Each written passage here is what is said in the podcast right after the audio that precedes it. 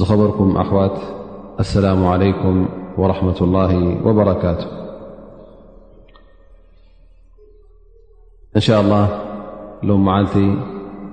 كاب آية مبللا سورة آل عمران كنجمرنا يقول الله سبحانه وتعالى بعد أعوذ بالله من الشيطان الرجيم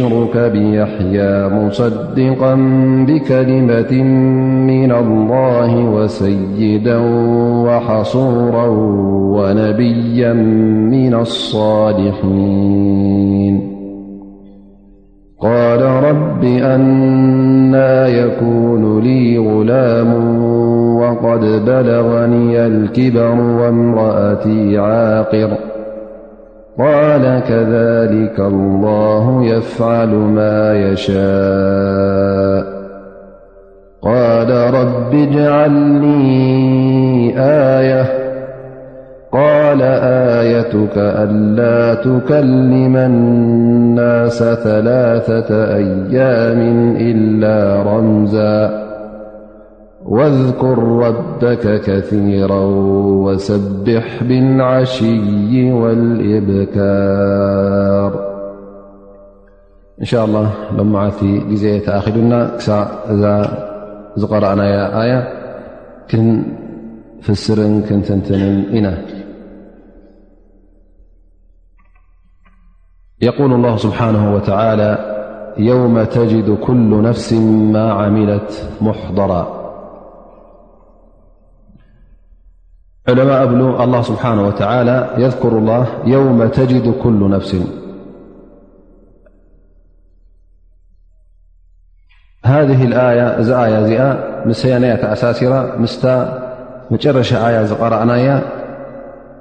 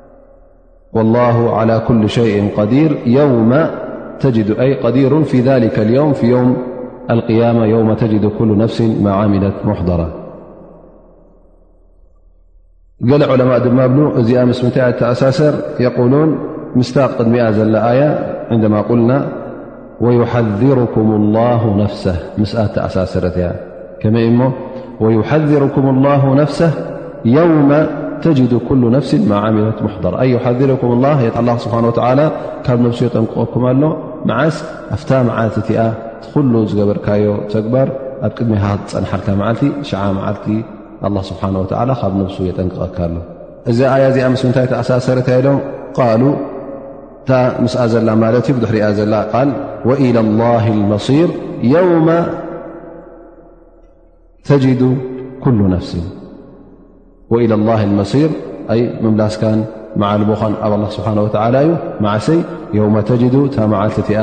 ኩሉ ነፍሲ ኣላ ስብሓን ወተዓላ ኩሉ ተግባራታ ቀሪቡላ ክፀንሕ እንከሎ ወቃል ባዕዱ ዕለማ እዛ ኣያ እዚኣ ምስኡ ተኣሳሰረት ኣይኮነትን ላኪን ፊ ከሊማ ወይ ከዓ ሓንቲ ቃል ኣላ እሳ ተእቱ ማለት እዩ ኩሉ ግዜ የውማ ክበሃል እንከሎ እንታይ ተምፅእ ወዝኩር ያ ሙሓመድ ኣይ ተዘከር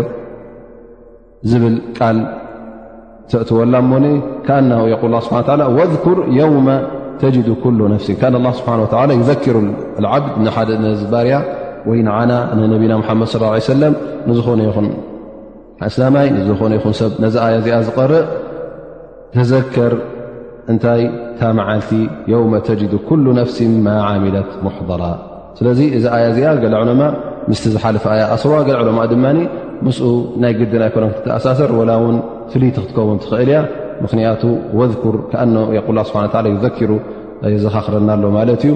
ዘክር ኣብቲ መዓልቲ እቲ ዮም ቅያማ ዝኾኑት ይኹን ነፍሲ ኣላ ስብሓን ወተዓላ ኩሉ ዝገበረቶ ተግባራት ኣብ ቅድሚኣ ኮፍ ኢሉ ክትረኽቦ እያ እዛ መዓልቲ እዚኣ ዮም ያማ ከምቲ ኩሉ ግዜ ዝጠቕሶ እቲ ኣብ ኣዱንያ ትገብሮ ኩሉ ኣብ ኣዱንያ ትዘርኦ ፅባሕ ንግ ኢኻ ትዓዝዶ ኣብ ዮም ያማ ክትዓዝዶ ኢኻ የል ስብሓ ላ የውመ ተጅዱ ኩሉ ነፍሲ ማ ዓሚለት ምን ኸይር ሙሕضራ ኩሉ እቲ ሰናይ ግብሪ ዝገበረቶ ኣብ ቅድሚኣ ተኣኪቡ ተዳልዩ ክፀንሓ እዩ ዝኾነት ትኹን ነፍሲ በዓልቲ እከይ ትኹን በዓልቲ ሰናይ ትኹን እዚ ኣብ ኣዱንያ ትገብሮ ዘላ ፅባሕ ንጎቲ ዓስቡ ተኣጅሩ ተኣኪቡ ክፀንሓ እዩ ወማ ዓሚለት ምን ሱእ ጥራይቲ ሰናይ ኣይኮነን እቲ እከይ ግብረ እውን ዝገብሮ ዘሎ እቲ ዘንብናት እውን ፅባሕ ንግሆ ተኣኪቡ ተኾሚሩ ክፀንሓካ እዩ ኣንታ ወዲ ሰብ ኣንታ ባርያ ኣላ ፅባሕ ንግሆ እዚ ትገብሮ ዘለካ ብ ኣዱንያ ብቀሊል ዝሓልፍ ኣይምሰልካ ግን ኩሉ ይፅብፀብ ከም ዘሎ ክትርስዕ የብልካ ኣላ ስብሓን ወተላ እውን ይፅብፅቦ እዩ ዘሎ ስለዚ ፅባሕ ንግሆ ኣብቲ መዓልቲ እዘይ ተኣኪቡ ክፀንሓካ እዩ ሽዕኡ ወዲ ሰብ ዝኾነት ይኹን ነብሲ እውን ኣብ ክልተ ቦታ ምስተመቐሉ እቲ ኩሉ ተግባራቱ ር ዝነበረ ሰናይ ዝነበረ እዚ ፅቡቕ ረኺቡ ማለት እዩ ገለ ሰባት ድማ እቲ እከይን ትሰናይን በቢ ዓይነት ኸውን ማለት እ ትበዝሕ ወይ ቲ ውሕድ ገሊኦም ድማ መብዝሕቱ ወይ ከዓ ኩሉ እከይ ጥራይ ኮይኑ ፀንሖም እዚ ከምቲ ኣብ ኣዱንያ ዝገብርዎ ዝነበሩ እዩ ግን ዝኾነት ይኹን ነፍሲ ወላ እውን እታ ሰናይ ትገብር ነበረት ነፍሲ እቲ እከይ ተኣኪቡን ክትሪኦ ከላ እቲ ዝስምዓ ስምዒት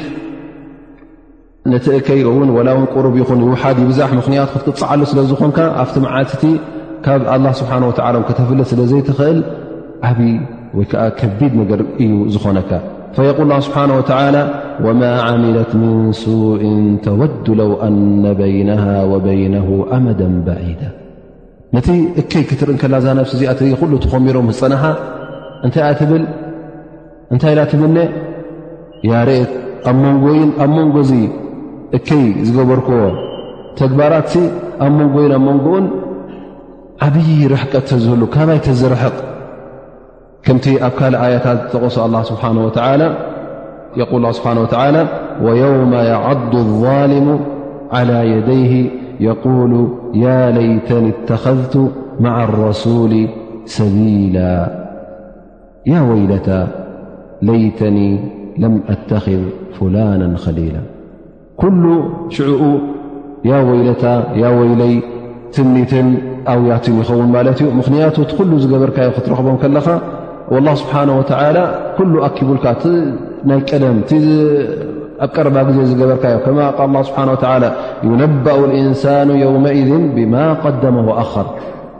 ብንእሽትኻ ዝገበርካዮን ኣብ ጉብዝነትካ ዝገበርካዮን ኣብ መጨረሻ ዕድሜኻ ዝገበርካዮን ኩሉ ተኣኪቡ ክፀንሓካ እንከሎ ሽዕኡ እታ ነፍሲ ነቲ እከይ ተግባራታ ክትርኢ ከላ እዚ ነገር እዚ ዓብ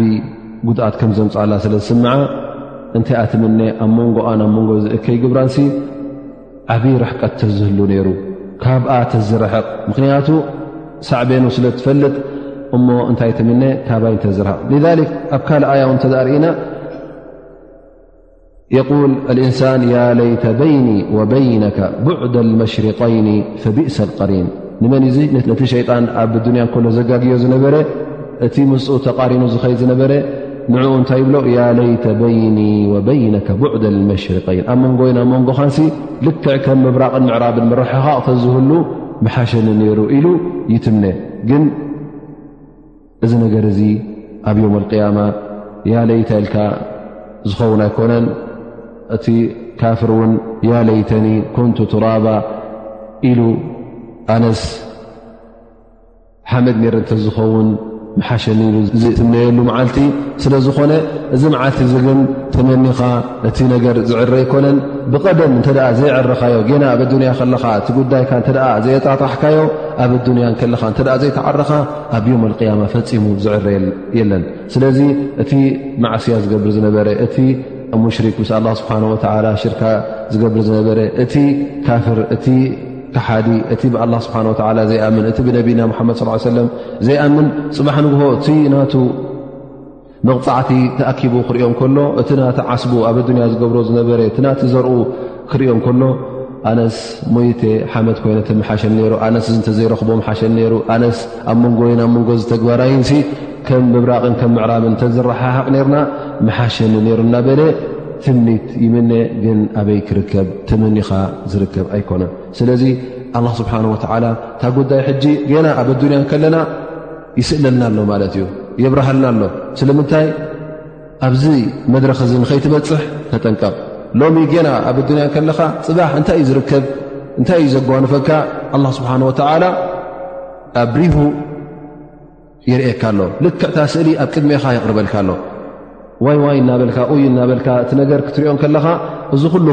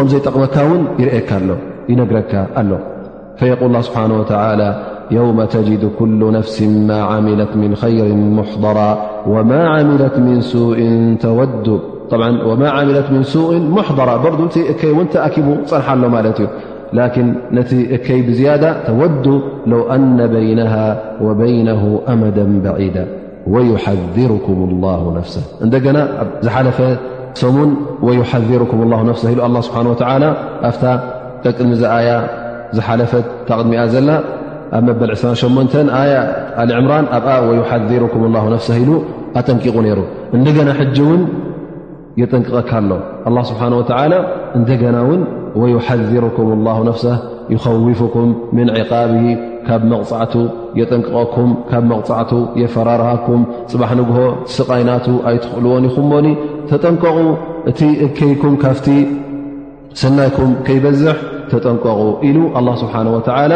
መቕፃዕቱ ዓብ ስለ ዝኾነ መቕፃዕቱ ኣዝዩ ኣቐንዛዊ ስለ ዝኾነ ኣላ ስብሓን ወተዓላ ካብ ቁጣዓይ ተጠንቀቑ ኢሉ ወዩሓርኩም ላሁ ነፍሰ ወፊ ነፍሲ ወቅት ኣላ ስብሓን ወላ እዚ ክብለና እንከሎ እቲ ኣያ ብምንታይ ይድምድና ወላሁ ረኡፍ ብልዕባድ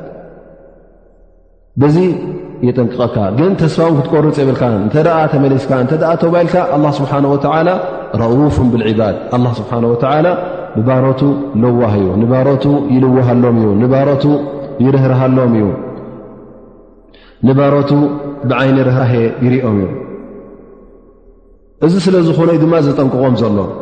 ስለምንታይ የጠንቅቖም ኣሎ ስለምንታይ ደኣ ሱቕ ዘይበለ ስለምንታይ ኩሉ ነገራት ኣብሪሁን ኣግሊሁን የብርሃሎም ኣሎ ምኽንያቱ ኣላ ስብሓን ወተዓላ ርህራሀ ስለ ዘለዎ እሞ ኸዓ ተጋጊኻ ኣብ መገዲ እከይ ንኸይትቕፅል ተጋጊኻ ኣብ ሓዊ ጀሃንም ንኸይትኣቱ ኣላ ስብሓን ወተዓላ የጠንቅቐካ ኣሎ ወምን ራሕመት ሓዘረካ ምን ነፍሲ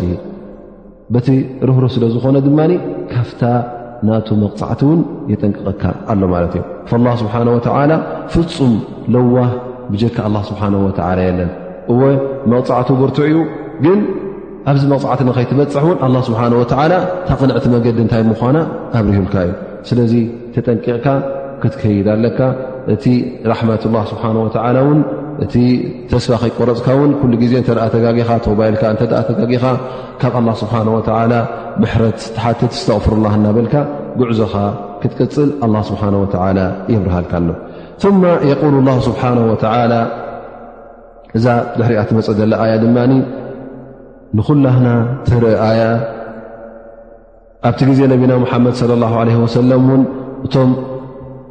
ኣይሁዳውያን ይኹኑ እቶም ኣህል ክታብ ዝበሃሉ ዝነበሩ ክርስትያን ናሕኑ ኣብናኡ ላ ወኣሕባኦ ንሕና ፈተውቲ ኣላ ኣላ ስብሓን ወላ ፈትወና ንሕና ደቂ ኣምላኽ ኢና ደቂ ጎይታ ኢና ዝብሉ እምነት ነይርዎም እዛ ኣያ እዚኣ ሕጂ ንዕኦም ይኹን ንዓና ይኹን ንኩላህና እቲ ኣላ ስብሓን ወላ ክፈትወካ እንተ ደሊኻ እንታይ ክትገብር ከም ዘለካ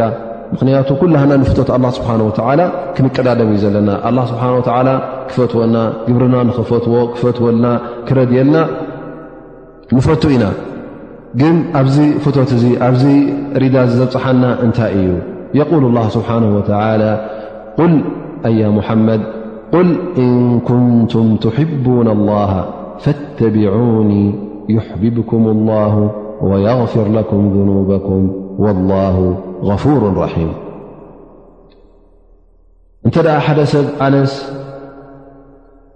ንኣላህ ፈቱ እየ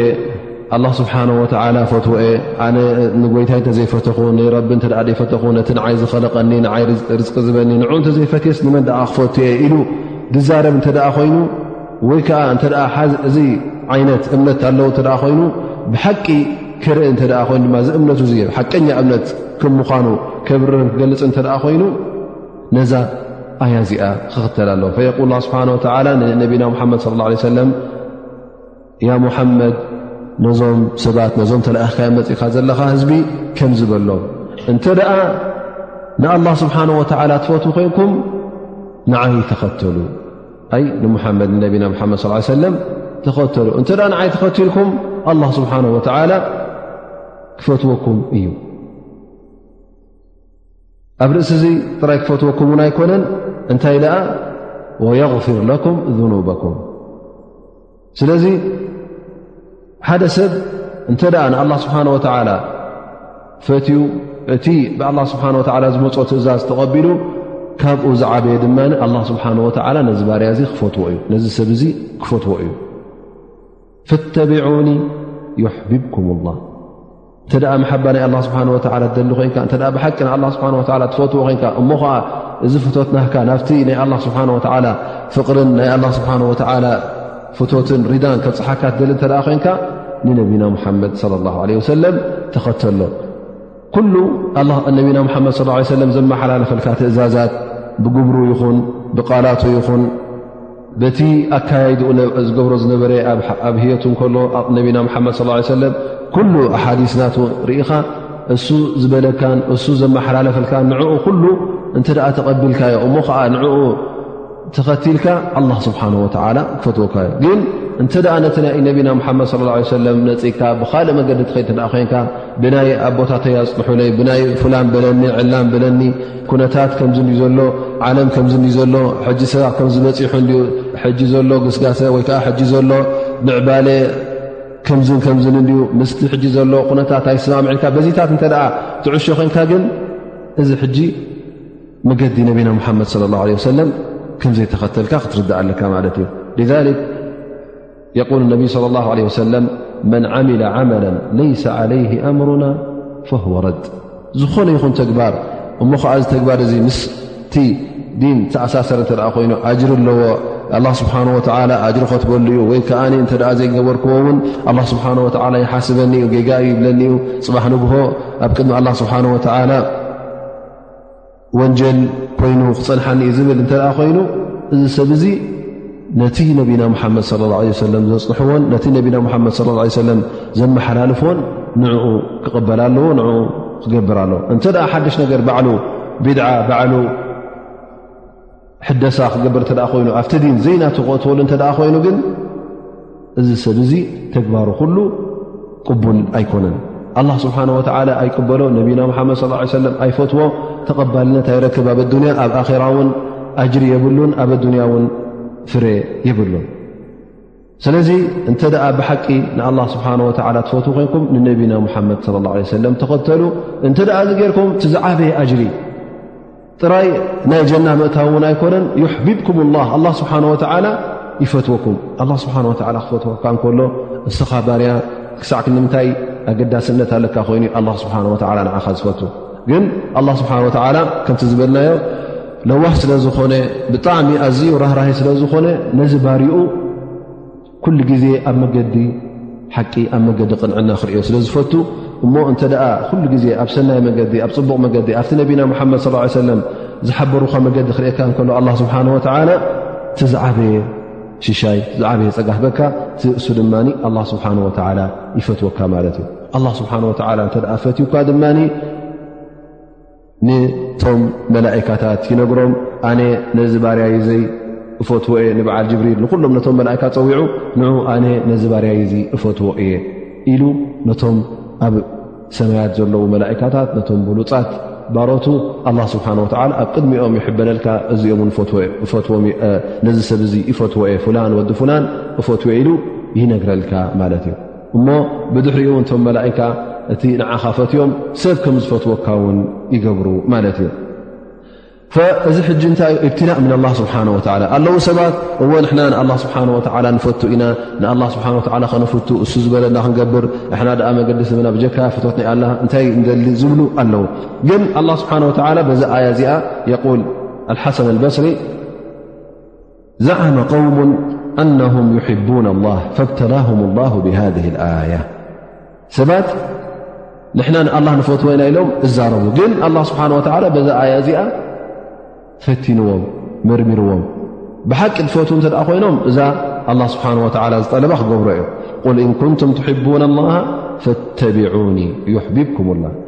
ስለዚ እንተ ንነቢና ሓመድ ص ሰለ ዘይትኽተል ኮንካ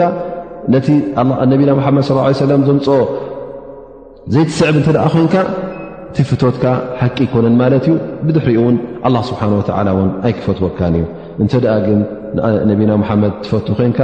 በቲ ፍትወትካ ወይከዓ ነቢና ሓመድ ትኽተል እተ ኮንካ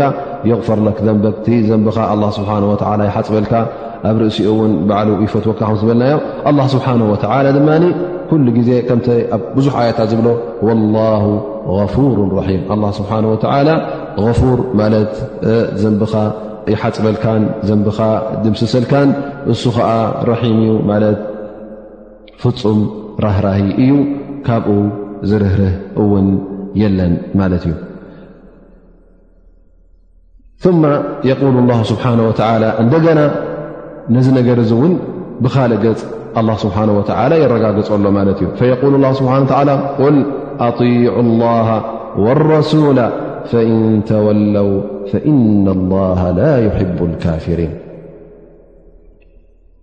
ቁል ያ ሙሓመድ ያ ሙሓመድ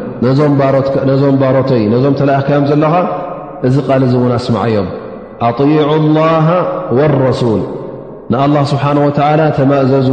ከምኡ ውን ንረሱል ንነቢና ሙሓመድ ለ ላ ለ ወሰለም ተማእዘዙ ذሊክ ነቢ ስ ሰለም የል ኩሉ እመቲ የድኹሉና ልጀና ኢላ መን ኣባ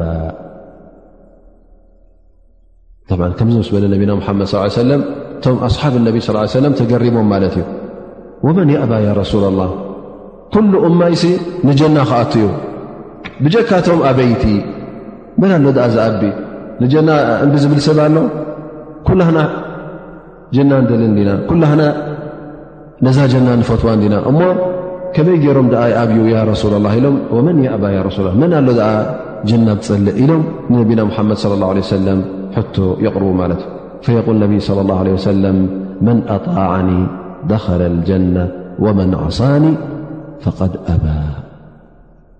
ንኣይ ተማእዘዘ ጀና ይኣቱ ንይ ዘይተማእዘዘ ግን እሱ እቲ ዝኣበ ምክንያቱ ኣ ስብሓ ወ ል ኣጢዑ ላ ረሱል ንኣ ስብሓ ተማእዘዙ ንረሱል ሰለ ተማእዘዙ ኢሉ ክእዝዝ እከሎ እተ ዓሰይተ ረሱል ለ ላ ለ ሰለ ዓሰይት ላ ስብሓ ኣው ንሓዲኦም እንተ ውን እምቢልካ ንክልትኦም እምቢ ከም ዝበልካ ዩ ምኽንያቱ እነቢ ስ ሰለም ረሱ ሰለም ሒዝቦ ዝመፀ መልእኽቲ ካብ ኣላ ስብሓን ወላ ዘምፅኦዩ ድኣ እምበር ባዕሉ ዝመሃዘ ይኮነ ብሓንጎሉ ዘምፅኦ ይኮነ ወይ ውን ካብ ካልኦት ሰሚዑ ዝተንተኖ ኣይኮነን እንታይ ደኣ ብኣላ ስብሓን ወላ ዝተዋህቦ መልእኽቲ ስለ ዝኾነ እቲ መልእኽቲ ሒዝቦ ዝመፀ ካብ ኣላ ስለ ዝኾነ እተ ነቲ መልእኽቲ ነፅግካ ንኣላ ስብሓን ወላ ነፅግካ ማለት ስለ ዝኾነ እዘ እንተ ትእዛዛት ትእዛዛት ኣላ ፀሊእካ ወይ ከዓ ነፂግካ ከምኡውን ትእዛዛት ነቢና ሙሓመድ ለ ላ ሰለም ተ ነፂግካ እስኻ ሕጂ ነቲ መገዲ ሓቂ ነቲ ዲን ኣልእስላም ዝባንካ ሂብካዮ ማለት እዩ ሊክ ላ ስብሓን ወላ ይል ፈኢንተወለው እንተ ኣብዮም እንተ እምቢሎም እተ ነቲ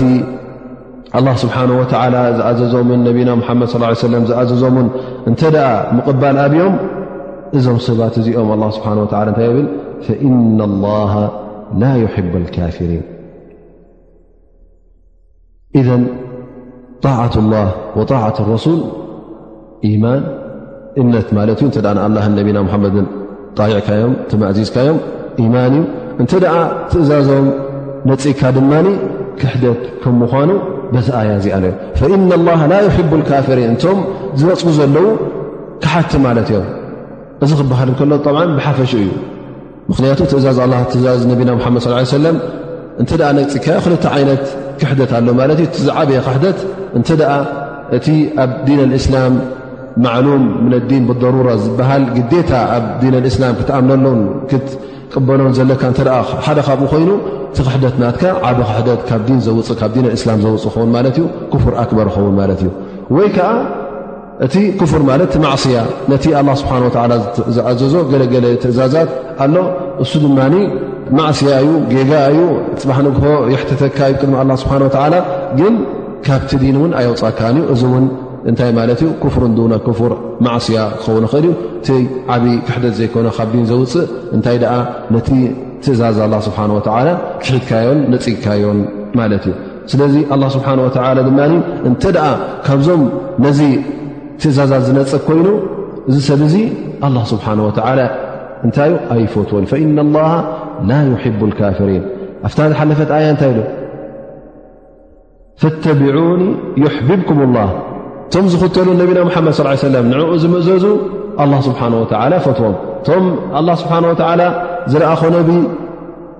ዝለኣኾ ክታብ ኣላ ስብሓን ወላ ዝኣ ዝቕበሉ ኣላ ስብሓን ወላ ፈትዎም ግን እቶም ንነቢ ዝነፅጉ ነቲ ኣላ ስብሓን ወላ ዝለኣኾ ረስ ልኡኽ ነቲ ኣላ ስብሓን ወላ ዘውረዶ ክታብን ትእዛዛትን ንዕኡ ዝነፅጉ ግን ኣላ ስብሓን ወላ ኣይፈትዎምን እዩ ፈልመሓበቱ ሊመን ልልሙእምኒን ለذ የተቢዑን ነብያ ለ ላ ለ ሰለም ነቶም መገዲ ነቢ صለ ه ሰለ መገዲ ረሱል ص ሰለም ተኸትሎም ነቲ ኩሉ ዝኣዘዞም ባዕሎም ከይመሃዙ ባዕሎም ሓድሽ ነገር ከየእተው ተኺኢሎም ዝኸዱ ዘለዉ እዚኦም ኣላ ስብሓን ወተላ ይፈትዎም እዩ ግን እንተ ደኣ ነቲ ስብሓ መገዲ ነቢና ነፂጎም ባዕሎም ናቶም መገዲ ክምህዙ እተ ኮይኖም ወይ እውን ምስቲ ኣላህ ስብሓን ወተዓላ ዝሃቦም መንገዲ ካልእ ናቶም ሓዋዊሶም ከም ድላዮም ኣእትዮም ንገለ ወሲኾም ንገለ ነክዮም እንተ ዝኸዱ ኮይኖም እዚኦ እውን ብሓቂ ንነቢና ሙሓመድ ስ ሰለም ስለ ዘይተኸተሉ እዞም ሰባት እዚኦም እውን ካፍቲ ፍቶት ኣላ ካፍቲ ሪዳ ናይ ኣላ ስብሓን ወተዓላ ይወፁ ኣለዉ ማለት እዩ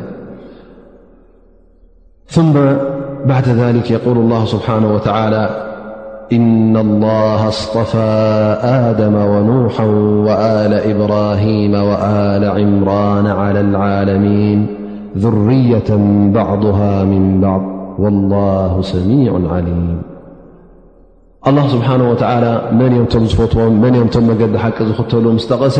ብድሕሪ እዚ ኣበይ ይኣትሉ ኣላ ስብሓን ወተዓላ ኣፍቲ ናይቶም ኣላ ስብሓን ወተዓላ ዝፈትዎም ኣላ ስብሓን ወተዓላ ዝመረፆም መን ከም ምዃኖም በዓል መን እዮም ድማ ኣብዚ ኣያ እዚኣ የብርሃና ኣሎ ማለት ብዝያዳ ኣላ ስብሓን ወተዓላ ዝፈትዎም ብዝያዳ እቶም መገዲ ሓቂ ሒዞም ዝኸዱ ዝነበሩ እቶም ኣላ ስብሓን ወተዓላ መልእኽቲ ኣላ ንኸብፅሑ ዝመረፆም ዝፈተወሎም ድማ በዓል መን ምዃኖም ኣብዛ ኣያ እዚኣ የብርሃልና ኣሎ ላ ስብሓን ወላ እና ላ ኣስጠፋ ኣደም መጀመርያ ንኣደም ኣላ ስብሓን ወላ ሰይድና ኣደም ማለት እዩ እቲ መጀመርያ ዝኸለቑ ኣላ ስብሓን ወላ ንዕኡ መሪፅዎ እዩ ምሩፅ ገይርዎ እዩ ሊክ ኣላ ስብሓን ወላ ብዙሕ ነገራት ንዕኡ ነቢና ኣደም ዝገበረሉ ብዝያዳ ካብ ካልእ ሰባት ብልጫ ዝረከቦ ሰይድና ኣደም ብዙሕ ሓደ ካብኡ ኣላ ስብሓን ወላ ንሰይድና ኣደም ብኢዱ ኸሊቕዎ ካብ ትንፋሱ ድማ ትንፋስ ገይሩሉ መላእካ ከም ትሰግድሉ ድማ ኣዚዙ ንመላእካ ሰጊዶምሉ ከምኡ እውን ገና ኣደም መጀመርያ ምስ ተኸለቀ እቶም መላእካታት ቅድሚኡ ዝነበሩ ከለዉ ግን ንሰይድና ኣደም ኣላ ስብሓን ወተላ ኩሉ ነገራት ኣስማት ናይ ኩሉ ነገራት ምሂርዎ እቶም መላእካ ዘይፈልጥዎ ዝነበሩ ኮታ ከምኡ ውን ኣብ ጀና ከም ዝነብር ገይርዎ ብድሕሪ ጀና እውን ከ ንመሬት ኣውሪድዎ እቲ ተጋጊ እውን ኣላ ስብሓን ወተላ ነቲ ጌጋ ዝገብሮ እውን ምሒርዎ ላ ስብሓን ወተላ ነዚ ሰብ እዚ ነቲ ኣብልበሸር ነቲ መጀመርያ ሰብ ብኡ ተኸለቁ ነቲ ኣቦና ማለት እዩ ነቲ ካብኡ ተወላለድና ኩላና ኣላ ስብሓን ወተላ ነዚ ሰብ እዚ ውሩፅ ከም ዝገበሮ ኣብዛ ኣያ እዚኣ የብርሃልና ኣሎ ማለት እዩ ስብሓን ወላ እስጠፋ ወክታራ ኣደም ንዕኡ እውን መሪፅዎ እዩ ከምኡ ውን ወኑሓን ንሰይድና ኖሕ እውን ኣላ ስብሓን ወተዓላ ምሩፅ ገይርዎ እዩ እዚ ልኡኽ እዚ እውን ምእንቲ ኣላ ስብሓን ወተዓላ ናብ ኣላ ዳዕዋ ንክገብር ን 950 ዓመት ናይ ዳዕዋ ጎስጋስ ኣካይዱ እዚ ነዊሕ ግዜ ኩሉ ዳዕዋ ክካይድ ስለ ዝፀንሐ ኣላ ስብሓን ወተላ ንኡ እውን ስለ ዝፈተዎ መጀመርያ ንረሱል ገይርዎ ማለት እዩ ድሕሪ ኣደም መቸም እቲ ሰብ ኩሉ ኣብ ተውሒድ ዩ ነይሩ ግን ኣብ ግዜ ነቢና ኖሕ እቲ ጥፍኣት ጀሚሩ ነይሩ ማለት እዩ ሰብ ኣብ ክንዲ ንኣላ ስብሓ ወተላ ዘምልኽ ንእምንን ንምስእልን ንምስልን ከምልኽ ምስ ጀመረ ካብቲ መገዲ ተውሒድ ካብ መገዲ ኢማን ናብ መገዲ ክሕደት ናብ መገዲ እሽራክ ክወፅእ ምስ ጀመረ ኣላ ስብሓን ወላ መጀመርያ ልኡኽ ዝለኣኾ መን እዩ ነይሩ ነብይና ኑሕ ዓለ ሰላም እዩ ነይሩ ስለዚ ነዚ ነብ ድማ እዚ ኩሉ ምስ ገበረ ለይትን መዓልትን ንህዝቡ ዳዕዋ ምስ ኣካየደ እሞ ከዓ ኩሉ እቲ ዝከኣሎ ምስ ገበረ ነዚ ነብ እዚ እውን ነቶም ህዝቡ ቁጣዐ ምስ ኣውረደሎም ኣላ ስብሓን ወተዓላ ነዚ ነብ ዚ ካብቲ ቁጣዐኡ ካብቲ ስቃዩ ካብቲ መቕፃዕቱ ነፃ ኣውፅእዎ ሓልይዎ ብድሕሪኡ እውን ቶም ደቁን ቶም ካብኡ ዝተረፉን እውን ብድሕሪኡ ፈርዮም ማለት እዩ ላ ስብሓን ወተዓላ ንነቢና ኖሕ ካብቲ ዘውረዶ መቕፃዕቲ ነጃ ክብሎ እንከሎ እንታይ ዝርእየና ምሩፅ ከም ዝነበረ ፍቱ ከም ዝነበረ ላ ስብሓን ወላ መጀመርያ ነብይ ንኸውን ልኡኽ ንኸውን መሪፅዎ ብድሕሪኡ እውን ኣላ ስብሓን ወተዓላ ካብቲ ኩሉ ናብቶም ህዝቡ ዝወረደ ቁጣዓውን ነብና ኖሕ ናፃ ከም ዝወፅእ ገይርዎ ማለት እዩ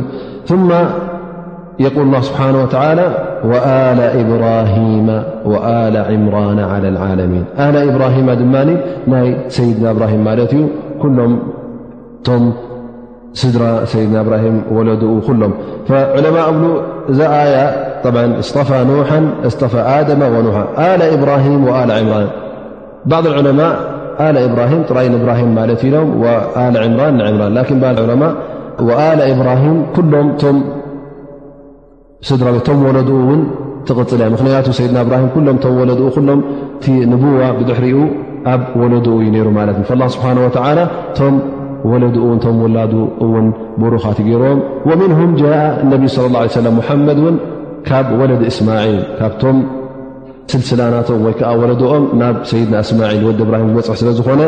ላ ስብሓን ወተላ ዓብ ምርጫ ንሰይድና እብራሂም ዝገበረሉ እቶም ብድሕሪኡ ዝተወለዱ ከም በዓል እስሓቅ ይኹን እስማዒል ይኹን ብድሕሪኡ እውን በዓል ዮሱፍ በዓል ያዕቁብ እዞም ኩሎም ኣንብያ እዮም ነሮም ሙርፃት እዮም ሮም ስብሓን ወተላ ምሩፅ ገይርዎ እዩ ንኡ ኣይኮነን ወላ ውን ነቶም ብዝሕኡ ተወለዱ ካብኡ ዝተወለዱ ምሩፃት ገይርዎም እንህልካ ውን ነቢና ሓመድ ስ ሰለም እቲ ብሉፅ ነቢ ኻትም ኣንብያ ረሱል ሰይድ ልበሸር ማለት እቲ ብሉፅ ኮይኑ ካብ ኩሉ ወዲ ሰብ ካብ ኩሎም ኣንብያ ዝበለፀን ምዕርግን ዝኾነ መን እዩ ነቢና ሓመድ ለ ለ ወሰለም እሞ እዚ እውን ካብቶም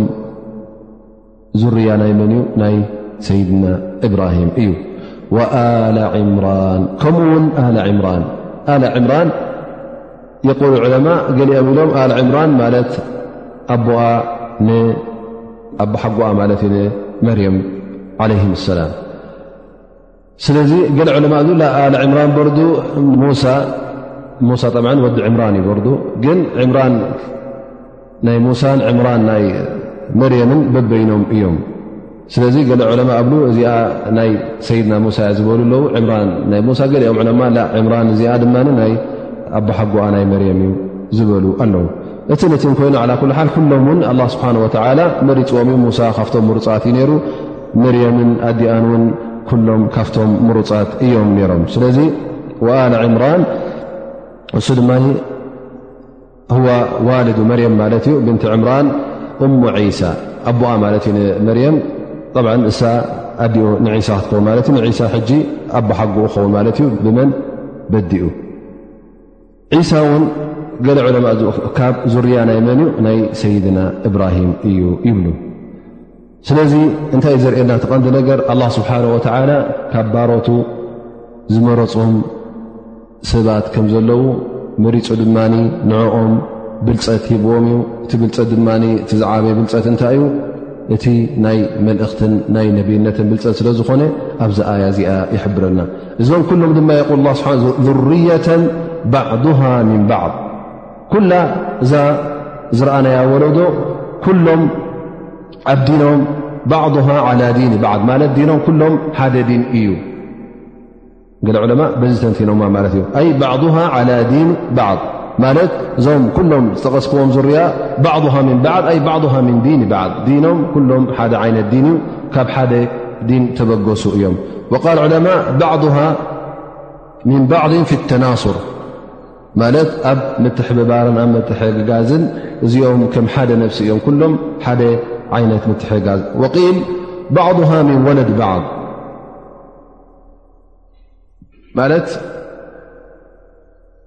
ወለድኦም ኩሎም ካብ ሓደ ወለዶ ዩ ኩሎም ብሓደ ዘራእቲ ተዘርኦም ንምኳኑ ኩሎም ውን ካብ ሰይድና ኣደም ተዋለድና ኢና ማለት እዩ ዝኾነ ይኹን ወዲ ሰብ ን ካብ ሰይድና ኣደም ክጀምራ ከሎ ኩሎም ሕጂ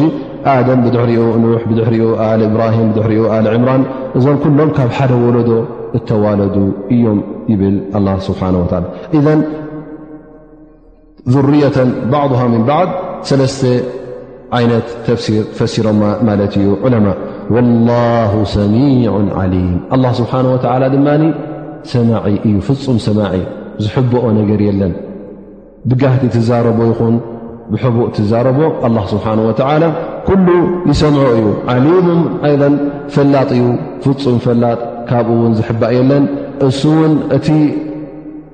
ንቡዋ እቲ ብልፀት ንመን ከም ዝህቦ ፈሊጡ እዩ ዝህብ ዘሎ ከምቲ ኣብቲ ዝሓለፈ ሰሙን ዝጠቐስናዮ እውን እንተ ንግስነት ክህብ ኮይኑ እተ ንግስነት ክምንዝዕ ኮይኑ እተ ክብረት ክበካ እተ ኮይኑ እተ ውርደትን ሕስረትን ከውርደልካ ኮይኑ ኣላ ስብሓን ወላ ጥራይ እዩ ዝገብሮ እዚ እውን ገብሮ ከሎ ንመን ይህቦን ንመን ኣይህቦን እሱ ፈሊጡን ባዕሉ ብጥበቡን ዝገብሮ ከም ምዃኑ ክትርስዕ ይብልካ ላ ስብሓን ወላ እዚ እዩ ዝሕብርና ዘሎ ማለት እዩ ወላሁ ሰሚዑ ዓሊም ድሕሪ እዚ ኣላ ስብሓን ወተላ ብዛዕባ ናይ ነቢና ዒሳ ከመይሉ ከም ተወለደ ካብ መን ከም ተወለደ ምኽንያቱ ከምቲ መጀመርያ ዝጠቐስናዮ እዛ ሱራ እዚኣ ብዝያዳ ንመን ክትምልስ እያ መፅኣ መልሲ ንመን ክትህብ ነቶም ካብ ነሳራ ናይ ኣበይ ዓዲ መፅኦም ነሮም ነቢና ሓመድ ስ ሰለም ነሳራ ነጅራን ኢልና ነርና ካብ ነጅራን ዝመፁ ክርስትያን ነይሮም እሶም ከዓ ዒሳ ወዲ ረቢ ወይ ከዓ ወዲ ኣምላኽ ኢሎም ዝኣምኑ ስለ ዝነበሩ በዚ ጉዳይ ዘ ምስ ነቢና ሓመድ ለ ላ ለ ሰለም ክካትዑ ስለ ተረኸቡ ምክንያቱ እሶም ንና ሃይማኖት ኣለና ዲና ኣለና ኢሎም ኣሚኖም ስለ ዝመፁ ንና ክታብ ኣለና ኢሎም እሞ ከዓ እዚ ስለ ዝኾነ ያ ሙሓመድ እስኻ ትናህና ሓቂኡ ካብ ሰማይ ዝወረደ እሞ ስለምንታይ ጌጋ ዩ ትብለና ኢሎም ኣብዚ ክካትዑ ስለ ተረኸቡ ሕጂ ኣላ ስብሓን ወተዓላ እንታይ የርእዮም ኣሉ ማለት እዩ እቲ ዒሳ ከም ጎይታን ከም ረብን ገይሮም ዝርእዎ ዘለዎ እቲ ንኣላ ስብሓን ወተዓላ ክወሃብ ዝግብኦ ኣምልኾት ንዒሳ ኢና ንህቦ ክብሉ ስለ ተረኸቡ ኣላ ስብሓን ወተዓላ ዒሳ መን ምዃኑ ከመይ ኢሉ ከም ተወለደ እንታይ ኸቲ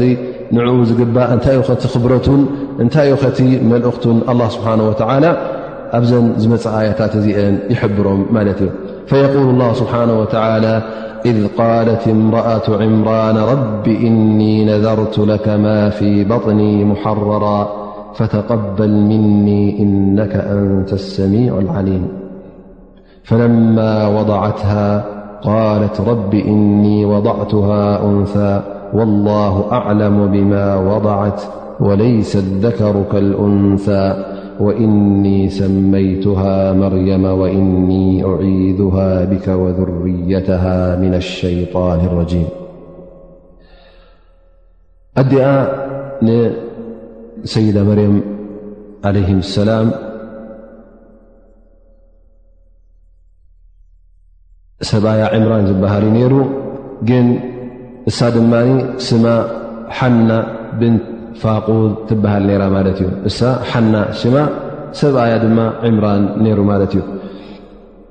እሳ ውላድ ኣይነበራን ግን ሓደ ግዜ ኣብ ደገ ኮፍ ኢላ ከላ እንታይ ትርኢ ማለት እዩ ጭሩ ንናታ ነታ ጫቑታ ክተብልዓ ትሪያ ማለት እዩ ንዓ ምስ ረኣየት ናይ ውላድ ነገር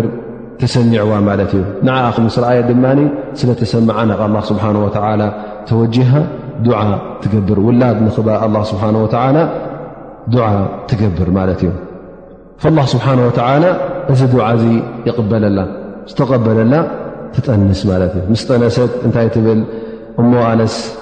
እዚ ኣብ ከብደይ ዘሎ መጀመርያ ግዜ ኣላ ስብሓን ወተላ እዚ ቆልዓ ካብ ሃበኒ እዚ ቆልዓ እዚ ሊላ ኢለ መብፅዓ ኣትየ ንረቢ ስብሓን ወተላ ናፃ ክብሎ እየ ማለት እዚ ቆልዓ እዚ ንኣላ ስብሓን ወተላ ዝግዛእ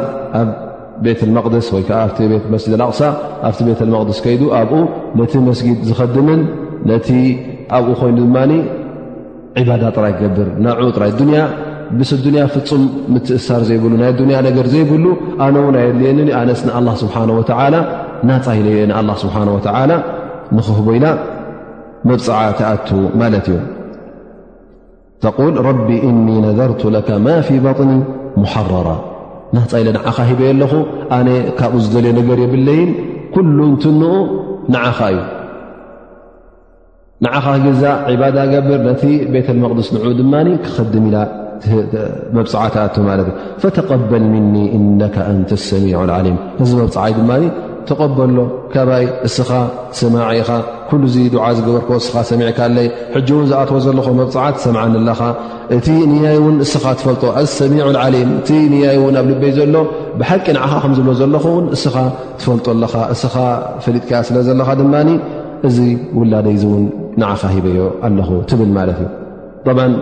ኣብቲ ግዜ እቲ ራጂ ዝበሃል ኣይነበረ ገለ ነበረ እቲ ቆልዓ መዓስ ኢኻ ትፈልጥ ወድን ጓልን ምዃኑ ምስ ተወለደ እዩ ዝፍለጥ ነይሩ ማለት እዩ ስለዚ ክሳዕ ዝውለድ እሳ ወዲ ይኸውን ኢለኣ ምኽንያቱ ንቤት መቅድስ ኣብቲ ግዜ እቲ ክወሃብ እንተ ኮይኑ ወይ ከዓ ኣብኡ ክኸድም እተ ኮይኑ ኩሉ ግዜ ወዲ እዩ ዝኸውን ነይሩ ሕጂ እሳ ወዲ ይኸውን ኢላ ብኡያ ተዛሪባ ማለት እዩ ስለዚ መዓልቲ ምውላድ መፅኣ እዛ ኣዲኣ ድማ ትወልዳ ማለት ፈለማ ወضዓትሃ ቃለት ረቢ እኒ ወضዕትሃ ኣንሳ ኣንታ ረቢ ንዓኸይ ነቲ ቆልዓ ተተመዮ ነረ እሞ መብፅዓት የለ ግን እዛ ውላድ እዚኣ ጓል ንሰይቲ ኮይና ወላሁ ኣዕለሙ ብማ ወضዓት ኣላ ስብሓን ወላ ድማ እንታይ ከም ዝወለደ ትፈልጥ ኣሎ ተሓቢእዎ ኣይኮነን ይርኢ ኣሎ ወለይሰ ዘከሩ ከልኡንሳ ወተባዕታይ እውን ከም ጓልሰት ይኮነን ኣብቲ ነቲ ቤት መቅድስ ንዕኡ ክኸድም ወይ ከዓ እቲ ዕባዳ ክገበር እተ ኮይኑ እውን እቲ ሰብኣይ ብዝያዳ ካብ ጓልሰይቲ ስለ ዝሓይሽ እሱ ዩ ነሩ ግን ንድሕሪት ክመልሰኒ ይኮነን ወእኒ ሰመይቱሃ ማርያም መርየም ኢለ እውን ሰምየያ ኣለኹ ንቤተ መቅድስ እውን ክትባ ምዃና ጌና ትቕፅል ከም ዘላ ውን ትጠቅስ ማለት እዩ ወእኒ ሰመይቱሃ መርየም መርየም ኢለ ውን ሰሚየ ያ ኣለኹ ማለት እዚ መዓስያ ሰሚያታ ሕጂ ሽዑ ምስ ወለደታ ማለት እዩ ዕለማ እ ካብዚ እንታይ ወሲዶም ይብሉ እ የጁዝ ተስሚያ ክትሰሚ እተ ኮንካ ወላ ውን ግዴታ ኣይኮነን ኣብ ሻውዓይ መዓልቲ ክኸውን ኣለዎ ኣይበሃልን እዩ እንታይ ደኣ ወላፍቲ መጀመርያ መዓልቲ እውን ክትሰሚ ትኽእል ኢኻ ፈየጁዝ ተስሚያ ክትሰሚ እውን ትኽእል ኢኻ ኣብቲ ቀዳማይ መዓልቲ ኣነ እዚ ኣብቲ ዝሓለፈ ሸርዒ ናይ እቶም ቅድሜና ዝነበሩ ስለ ዝኾነ ከምኡ ውን ነቢና ሙሓመድ ለ ላ ለ ወሰለም እንታይ ብሉ እብራሂም ወዶም ምስ ተወለደ የል ውሊደ ልየ ለይላ ወለዱን ሰመይት ብስሚ ኣቢ እብራሂም ሃذ ሓዲث ፊ صሒሕ ሙስሊም ወልብኻሪ ሎሚ ላይቲ ቆልዓ ተወሊዱለይ ሓዲሩ እሱ ድማ ብስም ኣቦይ እብራሂም ዓለ ሰላም ስም ናቶ ሂበዮ ኣለኹ ብኡ ሰመዮ ኣለኹ ኢሎም ነቢና ሙሓመድ ስ ሰለም ስለዚ እቲ ኣብ ግዜ ነቢና መሓመድ ሰዳ ርእና ኣብ ገለገለ ሓዲስ ዝመፀ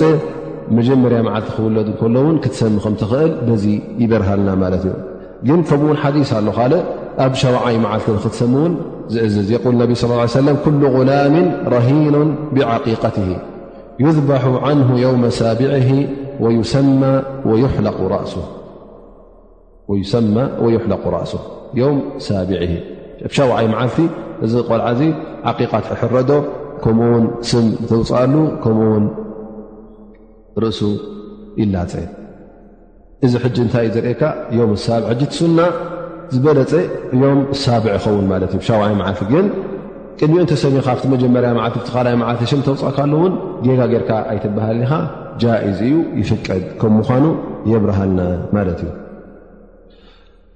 ወእኒ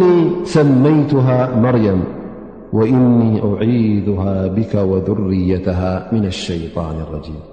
ከምኡ ውን ኣንታ ረቢ እዛ ጓለይ እዚኣ እዛ ወለድያ ዘለኹ ጓለይ ሸይጣን ንኸይነክኣን ሸይጣን ንኸይትንክፋን እውን ናባኻ ኣዕቂበያ ኣለኹ ንዓኣ ጥራይ እውን ኣይኮነን ነቶም ዙርያኣ ነቶም ካብኣ ዝውለዱ እውን ኣንታ ረቢ ካብ መንካእቲ ናይ ሸይጣን ካብ ወስወሳ ናይ ሸይጣን ኣርሐቆም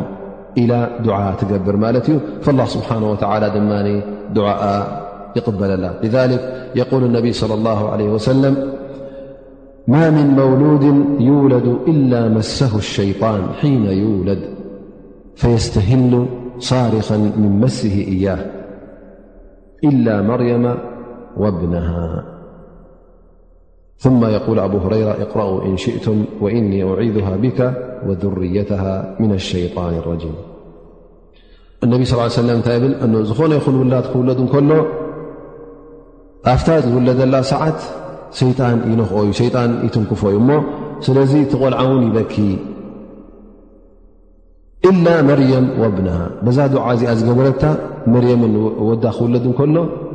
ዝነኸኦ ሸይጣን የለን ስለዚ ኣይተነኸአን ذ ኣብ ሁረይራ ይብል እንተ ብዝያዳ ክትሪኦ ዘልኹም ድማ ሱረት ኣሊ ዕምራን ኬትኩም እዛ ኣያ እዚኣ ረኣዩ ወእኒ ዒذሃ ብካ ወذርየተሃ ምና ሸይጣን ረጂም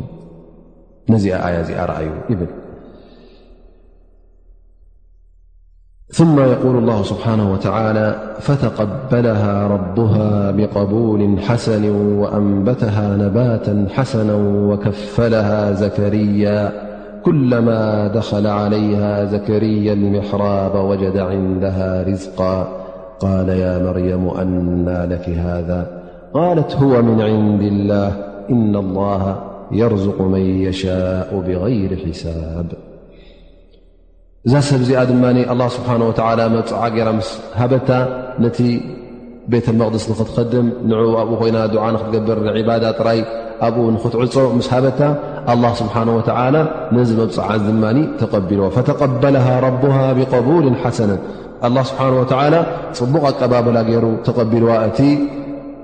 መብፅዓና እቲ ኣላ ስብሓን ወተዓላ ተቐቢልዎ እሞ ኸዓ ኣጅሪ እውን ከቲቡላ ማለት እዩ እታ ተቐበላ ውን ንፅህቲ ገይሩ ፅቡቕ ኣተዓባብያ ገይሩ እውን ኣዕቢዋ ከማ ቃል ወኣንበተሃ ነባተን ሓሰና ሰናይ ኣተዓባብያ ገይሩ ውን ኣላ ስብሓን ወተዓላ ኣተዓባቢዋ ዕለማ እብሉ ኣብ ኩሉ እንትናኣ ማለት እዩ ኣብ መልክዓ ይኹን ኣብ ኣከያይዳኣ ኣብ ጠባያ ኣብቲ ዲና ኩሉ ነገራታ ኣላ ስብሓን ወተዓላ ሰናይ ኣተዓባብያ ገይሩ ኣዕቢዋ ኣብቲ መጀመርያ ተኸሊቃ ፅቡቕ መልክዕ ዘለዋ ገይሩ ኸሊቕዋ ከምኡ ውን ኣብቲ ቤተ መቅድስ ምስቶም ሳልሒን ምስቶም ፈራሃት ረቢ ስለ ዝዓበየት ምስቶም ዕለማ ምስቶም ምሁራት ስለ ዝነበረት ውን ኣብኡ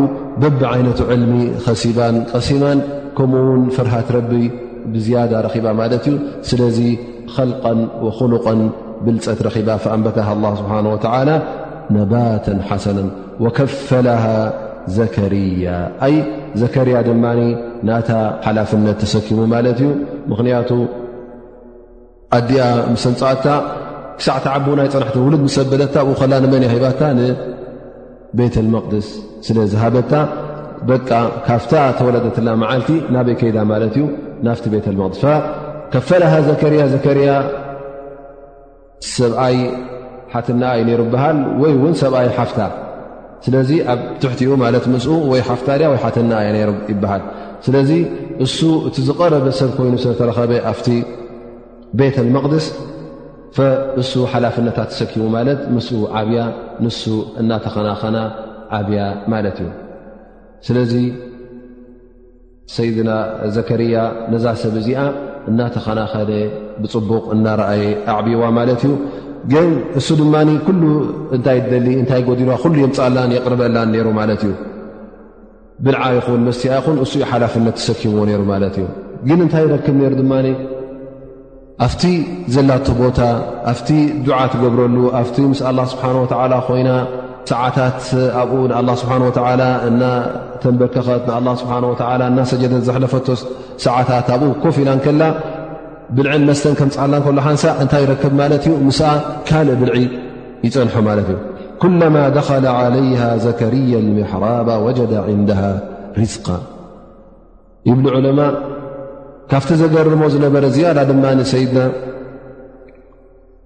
ዘከርያ እንታይ እዩ ነይሩ ቀደም ኣብ ዝኾነ ዓዲ እውን ሕጂ እተ ከምዚ መዝሓሊ ወይ ተላጃ ዘይብሉ ወይ ከዓ ካብ መገሻ እተ ርሑቕ ቦታታት ክመፁ ዘይክእል ኮይኑ ኣብ ሓጋይ ዝፈሪ ፍሩታን ፍርያትን ፍሉጥ እዩ ናይ ክረምቲ ፍርያት ድማ ፍሉጥ እዩ ስለዚ እንታይ ይርኢ ነይሩ ማለት እዩ ኣብ ሓጋይ ክርከብ ዘይክእል ፍርያት ምስ ኣብ ግዜ ሓጋይ ይረኽቦ ኣብ ግዜ ክረምቲ ክርከብ ዘይከኣል ፍርያት ድማ ኣብ ግዜ ክረምቲ ምስ ክሪኦ ከሎ ይግረም ነይሩ ማለት እዩ ያ መርየም ኣና ለኪ ሃ ኣንቲ መርም ካበይ መፀ ክደሎ እዚ ካበይ መፅኡ ኢሉ ይግረም ነይሩ ማለት እዩ ምኽንያቱ እሱይ ዘምፃላ ነይሩ እቲ ብልዕን መሰን እሞ ከዓ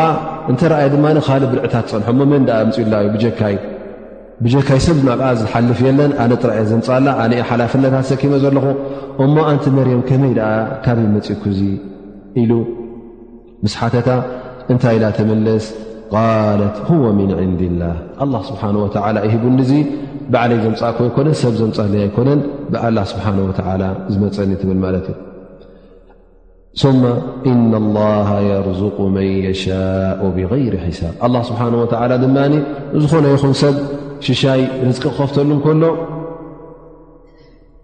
እዚ ሕጂ ክረምቲ ዘሎ ጥራይ ናይ ክረምቲ እዩ ዝግብኦ ወይ ከዓ ሕጂ ግዜ ይኮነን እዋኑ ይኮነን ኢልካ በዚ ናይ ወዲ ሰብ ዓይኒ ብ ፅብፀብ ኣይኮነን ኣላ ስብሓን ወተላ ክህብ እንከሎ ብዘይ ፀብፃብ እዩ ዝህብ እቲ ሽሻይ ከውርደልካ ከሎ እቲ ሃብቲ ከውርደልካ ከሎ ግዜኡ እዩ ግዜ ይኮነን እዚ ዝበሃል የለን ኣብ ቅድሚ ኣላ ስብሓን ወተላ ኣብ ደስ ዝበሎ መዓልቲ ከም ድላይ ገይሩ ኣላ ስብሓን ወተላ እዩ ዝህብ ስለዚ ነዚ ነገር እዚ ምስ ረኣየ ሰይድና ዘከርያ ናብ ነፍሱ ትዝ ዝብሎ ማለት እዩ እባ ኣላ ስብሓን ወተዓላ ነሳ ቆልዓ እዚኣ ናብኡ ስለ ትውጃ ዕባዳ ትገብር ስለ ዘላ ኣብ ዘይከውን ሰዓታት ኣብ ዘይከውን ግዜያት ኣብ ዘይከውን እዋን ብቢ ዓይነቱ ፍርያታት ኣውሪዱላ ኣብ ከረምቲ ዘይርከብን ኣብ ሓጋይ ዘይርከብን ፍሩታታት ነዛ ሰብ እዚኣ ኣላ ስብሓን ወተዓላ ካብ ሃባስ እሞ ኣነስ ሕጂ ወላ እውን ብድሕሪ ዝዕድመይ ማለት ዕድሚኡ ሕጂ ተስዓታት እዩ በፂሑ ነይሩ ከምኡ ውን ሰበይቱ ከምኡ ዓብያን ኣሪጋን ነራ ኣብ ርእሲኡ እውን መኻን እያ ነራ ማለት እዩ ፈውላድ ኣይነበሮን እዚ ነገር ምስ ረኣየ ሕጂ እዚ ዘረባ ናታ ድማ ብዝያዳ የዘኻኽሮ ማለት እዩ እምበር እሱ እውን ንረቢ ዘይፈለጥ ሰብ ኣይኮነን ነይሩ ዱዓ ዘይገብር ሰብ ኣይኮነ ነይሩ ግን ሓደሓደ ግዜ እንታይ ኢኻ ትኸውን ማለት እዩ ትዝ ዘብለካ ሰብ ይርከብ ማለት እዩ ስለዚ ሰብ እዚ እዛ ጉዳይ እዚኣ ምስ ረኣየ ሁናሊካ ደዓ ዘከርያ ረባ ኣብቲ ሰዓት እቲ ኣብቲ ቦታ እቲ ገለዕሎማ ብ ሁናሊካ ይብሉ ኣብታ ቦታ እቲኣ ሰይዳ መርያም ህወ ምን ዕንዲላ ምስ በለቶ ኣብታ ቦታ እቲኣ ደው ኢሉ ከሎ ከይተንቀሳቐስ ከሎ ዱዓ ገይሩ ወይ ከዓ ገርዕሎማ ኣብታ ሰዓት እቲኣ ታ ዝተዛረበቶ ሰዓት ይብሉ ማለት እዩ ሁናሊካ ደዓ ዘከርያ ረባ ሰዓት እቲ ኣብቲ እዋን እቲ ኣብቲ ቦታ ዘከርያ ለ ሰላም ናብ ኣላ ስብሓን ወተላ ዱዓ ገይሩ እዚ ዱዓ እዚ እንታይ እዩ ቃል ረቢ ሃብሊ ምን ለዱንከ ذርየة طይባ እነከ ሰሚዕ ድዓ ኢሉ ዱዓ ይገብር ማለት እዩ እዚ ሕጂ ከም ምንታይ ዩ ኮይኑ ማለት እዩ ከም መንቀሳቐሲ ማለት እዩ በርሱ ኣላ ስብሓን ወተላ ከም ዝርዝቕ ኣላ ስብሓ ወላ ውላድ ከም ዝህብ ረሲዑ ኣይኮነን ቅድሚ ሕጂ እውን ዱዓ ይገብር ኣይገብርን ነይሩ ማለት ኣይኮነን ግን ኣላ ስብሓን ወተላ እታ ሰዓት ልእጃባ ረቢ ፈጣ ኣብ መዓስ ከም ዝውፍቐካ ውን ናይ ረቢ ነገር ስለ ዝኾነ ግን እንቲ ከመይ ኮይናቶ ማለት እዚኣ ሕጂ ከም መዘኻኸሪት ኮይናቶ ማለት እዩ ትዛቢላቶ ማለት እዩ ምናልባሽ ቅድሚ ሕጂ እውን እቲ ናይ ውላድ መውላድ እውን ናይ ኣዱንያ ሙትዓ ናይ ኣዱንያ ነገር ኮይኑ ሪኦ ስለ ዝነበረ ምናልባሽ ኣይተገደሰሉ ነይሩ ኸውን ምክንያቱ ኣልማል ወልበኑን ዚነት ሓያት ኣዱንያ ገንዘብ ይኹን ውላድ ይኹን ኩሉ ግዜ ናይ ኣዱንያ ዚና ናይ ኣዱንያ መልክዕን ናይ ኣዱንያ ሽሻይን ደኣ ይበር ናይ ኣኼራ ኩሉ ግዜ ሰናይ ግብርካ ይጠቕመካ ውላድ ኣይጠቕመካ ገንዘብ ኣይጠቕመካ ስለዚ ምናልባሽ ቅድሚ ሕጂ እውን ነዚ ጉዳይ እዚ ብዙሕ ኣቃልቦ ኣይገበረሉ ነይሩኹም ግን ኣብዛ ሰዓት እዚኣ ነዛ ሰብ እዚኣ ኣላ ስብሓን ወተዓላ በብ ዓይነቱ ሽሻ በብ ዓይነቱ ርዝቂ ኣብዚ እዋን እዚ ካብ ሃባ ወይ ከዓ ከምዚ ዳ ነዛ ሰብ እዚኣ ነዛ ንእሽተይ ቆልዓ ማለት ብድሕሪኡ እሱ ካብቶም ቀዳሞት ንቤት ላ ስብሓን ወላ ዝኸድም ዝነበረ ካብቶም ዕባድ ካብቶም ኣውልያ ኣላ ሳልሒን እዩ ነይሩ እዚ ካብ ከነሞ ነዚኣ ካብ ሃበስ ኣላ ስብሓን ወላ ውን ንዓይ ውን ክበኒ እዩ ወላ ውን ይእረግ ወላ ውን ይዕበ ወላ ውን ሰበይተይ መኻን ትኹን ወላ ውን ትእረግ ኢሉ ብልቡ ናብ ኣላ ስብሓን ወተዓላ ምስ ተወጀሀ እንታይ ኢሉ ቃል ረቢ ሃብሊ ምን ለዱንከ ዙርየተ ጠይባ ሰናይ ዝኾነ ወለዶ ጌርካ ሃበኒ ኣንተ ኣላ ስብሓን ወተዓላ ኣንተ ስኻ ኢኻ ሰሚዕ ኣዱዓ ንዱዓ ትሰምዕ ንዱዓ ሰብ ዱዓ ዝገበረልካ ሰብ ሰሚዕካ ድዕኡ ትቕበል እስ ኸኣ ኻሞ ኣንታ ጎይታይ ዱዓይ ተቐበለለይ ጥዑም ወለዶ ሰናይ ወለዶ ሃበኒ ኢሉ ናብ ኣላ ስብሓን ወተላ ዱዓ ይገብር ማለት እዩ ሽዑ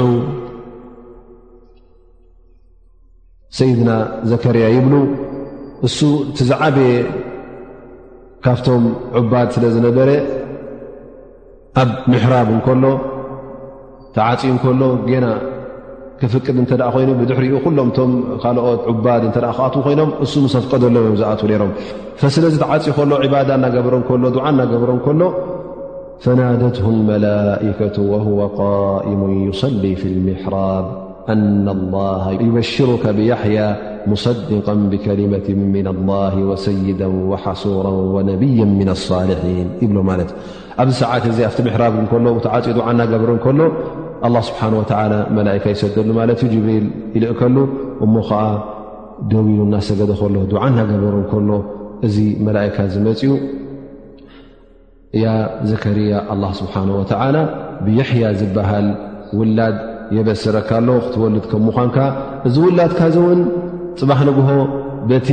ከሊመት ላ ስብሓን ወተዓላ ብዒሳ ክኣምን እዩ ከምኡ ውን እዚ ሰብ እዚ ጎይታ ክኸውን እዩ ከምኡ ውን ነቢ ክኸውን እዩ ካብቶም ብፁኣንን ካብቶም ብሉፃንትን እውን ክኸውን ኢሉ የበሰሮ ማለት እንሻ ላ ድሕሪ ኣዛን ንምልእ መላእከት ላ ስብሓን ወተላ መፅኦም ኣብቲ ዝነበሮ ኣብቲ ምሕራቡ ኣብቲ ዱዓ ዝገብረሉ ቦታ መፅኦም ኣላ ስብሓን ወተላ ብውላድ የበስረካ ኣሎ እዚ ውላድ እዚ ድማ የሕያ እዩ ስሙ እዚ ሰብ እዚ ድማ ብዙሕ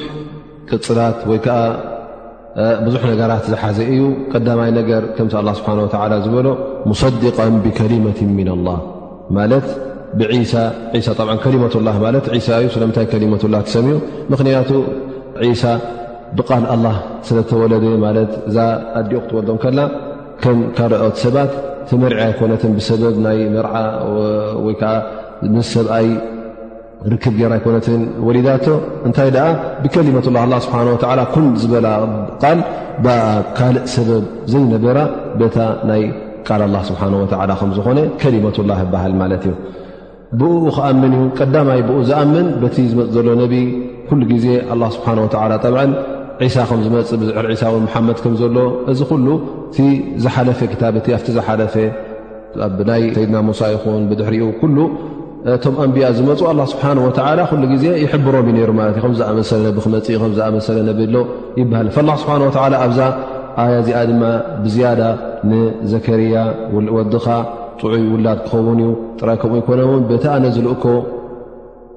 ልኡኽ ውን ክኣምን እዩ መጀመርያ እቲ ቀንዲ ወይ ከዓ መፈለምታ ብዒሳ ዝኣምን ውን ንሱ ከም ዝኸውን ኣላ ስብሓን ወላ ይሕብር ማለት ሙሰድቀ ብከሊመት ምና ኣላ ኣብ ርእሲ ኸዚ ወሰይደን ኣሰይድ ማለት ክቡር ሰብ ሸሪፍ ጎይታ ወይ ከዓ ብዙሕ ትርጉም ሂብቡ ማለት እዩ ዝኾነ ይኹን መቸም ክብሪ ዘለዎ ክኸውን ማለት እዩ ኣብ ዓይኒ ህዝቡ ኣብ ዓይኒ እቲ ተግባሩ ኩሉ ክቡር ዝኾነ ሰብ ክኸውን ኢሉ ኣላ ስብሓን ወተላ ብዝያዳ የበስሮ ኣሎ ወሰይዳ ወሓሱራ ሓሱረን ማለት ዕለማ ብዙሕ ዓይነት ትርጉሙን ሂቦማ ሓሱር ማለት ደቂ ኣንስትዮ ዘይቀርብ እዚ ሓደ ዓይነት ሂቦም ካልኦት ድማ ሓሶር ማለት ማዕሱም ምን ልፈዋሕሽ ወልቃድራት ካብ ኩሉ እከይ ነገራት ዘብኡ ካብኡ እተኸልከለ ይብሉ ማለት እዩ ገሊኦ ብብሉ ደቂ ኣንስትዮ ዘይቀር ቦላ እውን ናይ ምርዓ ናይ ደቂ ኣንስትዮ ክእለትን ድልትን ከለዎ ግን ናይ ኣዱንያ ነገር ሙትዓ ስለ ዝኾነ ናይ ኣዱንያ ነገር ደስታ ስለ ዝኾነ ንዕኡ ቅርብ ዘይብሎ ኩሉ ሃንቀውትኡ ጥራይ ንኣላ ስብሓን ወተዓላ ከፍትን ከርድን ዝኾነ እዚ እዩ ትርጉሙ ይብሉ ማለት እዩ ስለዚ ክልተ ዓይነት ትርጉም ህቦማ ማለት እዩ ሓሱረን ምና ኒሳ ንደቂ ኣንስትዮ ዘይቀርብ ናይ መርዓ ድልት ዘይብሉ ማለት እዩ ገለ ዕለማ ብላ ካብ ፈዋሕሽ ካብ ሕማቕ ነገር ካብ ረቢ ዘይፈትዎ ነገራት ካብ ኩሉ እከይ ነገራት ካብኡ ዝተኸልከለ ማለት እዩ ይብሉ ወሓሱራ ወነብያ ምና ኣሳልሒን ከምኡ ውን ነቢ ክኸውን እዩ ማለት እዩ ነቢ ክኸውን እዩ ረሱል ኣይኮነን ግን ነቢ ክኸውን እዩ ወሚና ኣሳልሒን እንደገና እውን ካብቶም ብፁኣን ካብቶም ሳልሒን ካብቶም ንኣላ ስብሓን ወተዓላ ዝፈሩ እዚ ኩሉ ብሓንሳእ ተዋሂብዎ ማለት እዩ ረኣዩ ዘከርያ ዓለይ ሰላም እታ ዱዓ ዝገበራ ውላድ ክውለዶ እዚ ውላድ እዚ እውን ንዕኡ ዝወርስ ውላድ ክኸውን እደልዮ ነይሩ ፈላ ስብሓን ወተዓላ ነዚ ውላድ እዚ ውላድ ሂቦ ኣብ ርእሲኡ እውን እቲ ካልእ እቲ ናይ ነብይነት ሽሻይ ፀጋ ሂቦ ኣብ ርእሲኡ እውን ነዚ ሰብ እዚ ወይ ከዓ ነዚ ውላድ እዚ ኣላ ስብሓን ወተላ ካብቶም ሳልሒን ገይርዎ ንኡ እውን ሰይድ ገይርዎ ንኡ ውን ብዙሕ ብልፀታት ሂብዎ ማለት እዩ ላ ስብሓን ወተላ ከምቲ ኣብታ ዝሓለፈት ኣያ ዝበላ እና ላ የርዝቁ መን የሻኡ ብغይር ሒሳብ ስለዚ ኣብዚ ኣጋጣሚ እዚ ክነብርሆ ንደሊ ዝኾነ ይኹን ሰብ እዚ ከምዝኣመሰለ ጉዳይ ክጓንፎ ከሎ ውላድ ክስእን እንከሎ እንተ እሱ ሰንኪ ኮይኑ ወይከዓ ብሰንኪ ሰበይቱ ኮይኑ ኩሉ ግዜ እዚ ነገር እዚ ኣላ ስብሓን ወተዓላ ክፈትሖ ከም ዝኽእል ክኣምን ኣለዎ ኩሉ ግዜ ናብ ኣላ ስብሓን ወተዓላ ክውጃህ ኣለዎ ድዓ ክገብር ኣለዎ እሞ ኣላ ስብሓን ወተዓላ እታ ሕራይ ኢሉ እታ ድዓኻ ዝቕበለላ ሰዓት ስለ ዘይትፈልጣ ኩሉ ግዜ ምስ ኣላ ስብሓን ወተዓላ ርክብካን ድዓኻን ክቕፅል ኣለዎ እሞ ከዓ ኣብ ሰዓት እጃባ እንተ ደኣ ኮይኑ ወላ እውን እንተ ደኣ ሰበይትኻ መኻን ነራ ኮይና ወላ እውን ንስኻ ነርካ ኮንካ ኣላ ስብሓን ወተዓላ ዝኸብዶ ነገር ስለ ዘየለ ኩሉ ነገር ክገብር ክኢላ ስለ ዝኾነ እቲ ድዓኻ ውን ክቕበሎ ስለ ዝኽእል ካብ ድዓ ከተቋርፅ የብልካን ሰይድና ዘከርያ ዕድሚኦም ኣሪጎም እዮም ነሮም ሰበይቶም ኣመኻንያ ነራ እዚ ኩሉ እንከሎ ንገዛእ ርእሶም ሰይድና ዘከርያ እውን እቲ ድዕኦም ዝተቐበለ ንገዛእ ርእሶም እቲ ጉዳይ እውን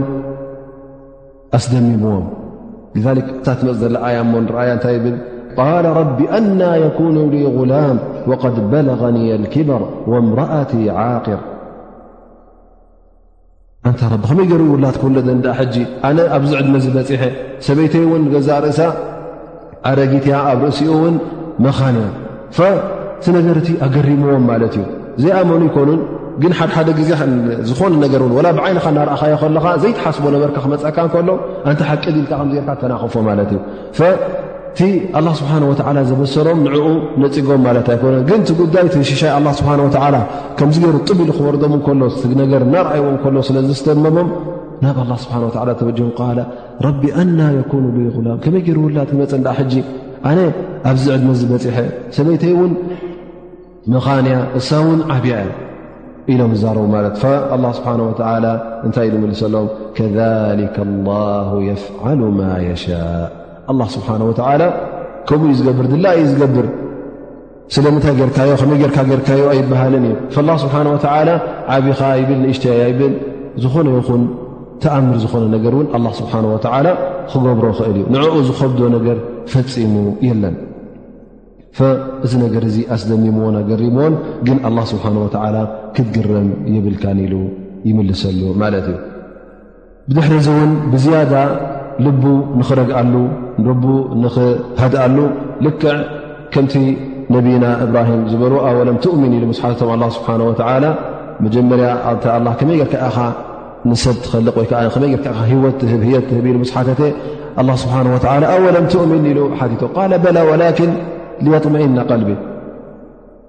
ጥራይ እቲ ልበይ ዝያዳ ክረግኣለይ ማለት እዩ ልክዕ ሰይድና ዘከርያ እውን ልቦም ንክረግኣሎም ቃል ረቢ ጅዓል ኣያ ኣንታ ረቢ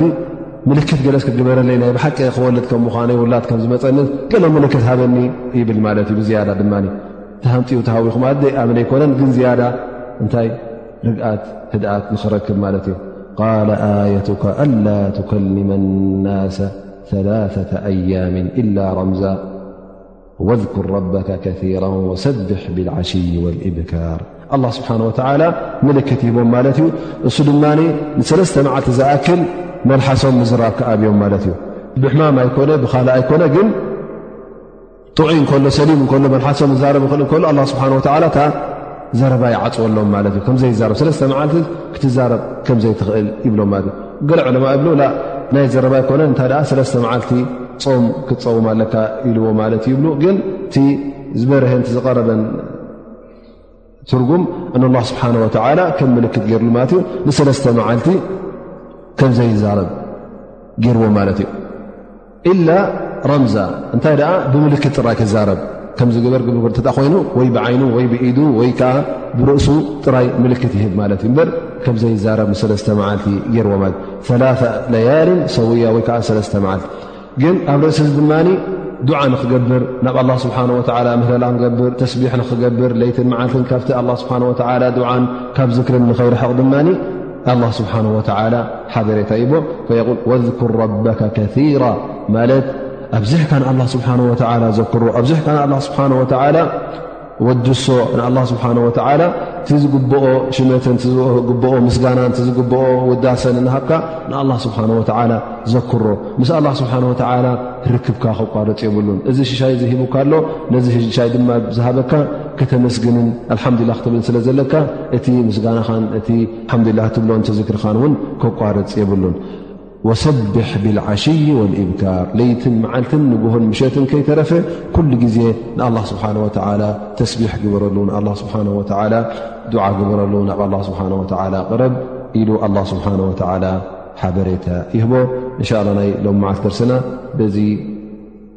ይድምደም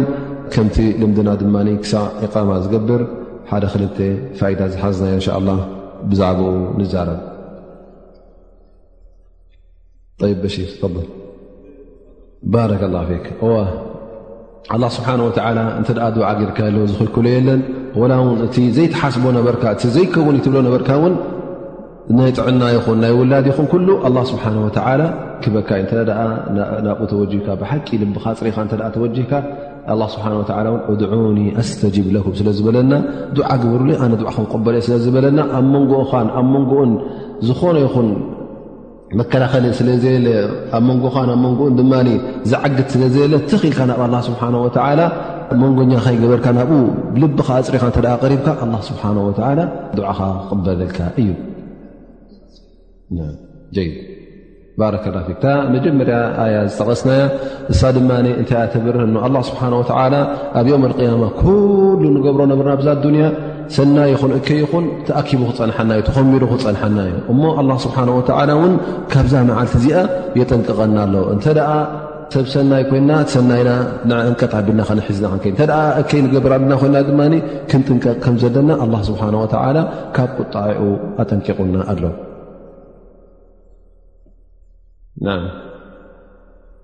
ዛከላ ር እንተ ኣላ ስብሓን ወተላ ንፈትዎ ኢልና እንተ ንዛረብ ኮይና ነዚ ነገር እዚ ከነብቅዕ እንተ ኮይኑ ነቲ ኣላ ስብሓን ወላ ዝኣዘዘና ነቲ ነቢና ሓመድ ለ ላ ለ ሰለም ዝሓበሩና ንዑ ክንክተል ኣለና ብሓቂ እንተ ንዑ ተኸትልና እዚ ዩ ናይ ብሓቂ ንኣላ ስብሓን ወላ ንፈቱ ማለት እዩ ኣ ስብሓን ወላ እውን እንተ ነዚ ገርና ክፈትወና እዩ እተ ነቢና ሓመድ ለ ለ ሰለም ዘይተኸተልናዮም ግን እቲ ብኣፍና ንብሎ ንኣላ ንፈቱ ኢና ንእስልምና ንፈቱ ኢና ኣስላማ ኢኻ ትብሎ ዘለኻ ውን እዚ ናይ ኣፍ ዘረባ ድኣ እንበሪ ግብራዊ ነገር ኣይኮነን ኣብቲ ኢማንካ ውን ወላ ውን ኣብቲ ፍቶት ኣላ ስብሓን ወላ ን ወላ ውን ኣብቲ መቕፊራ ውን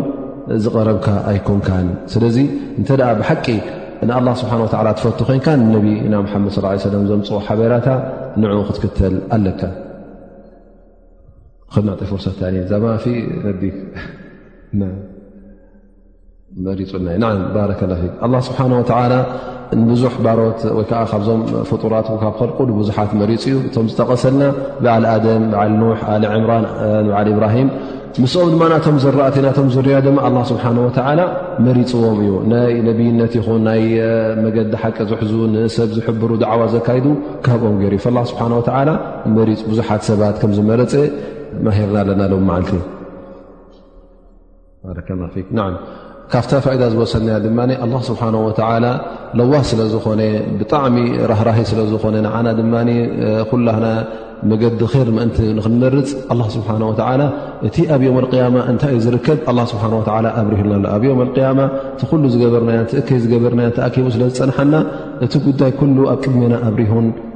ስኢሉን ኣቕሪቡልና ኣሎ እዚ ድማ እንታይ ዝርእየና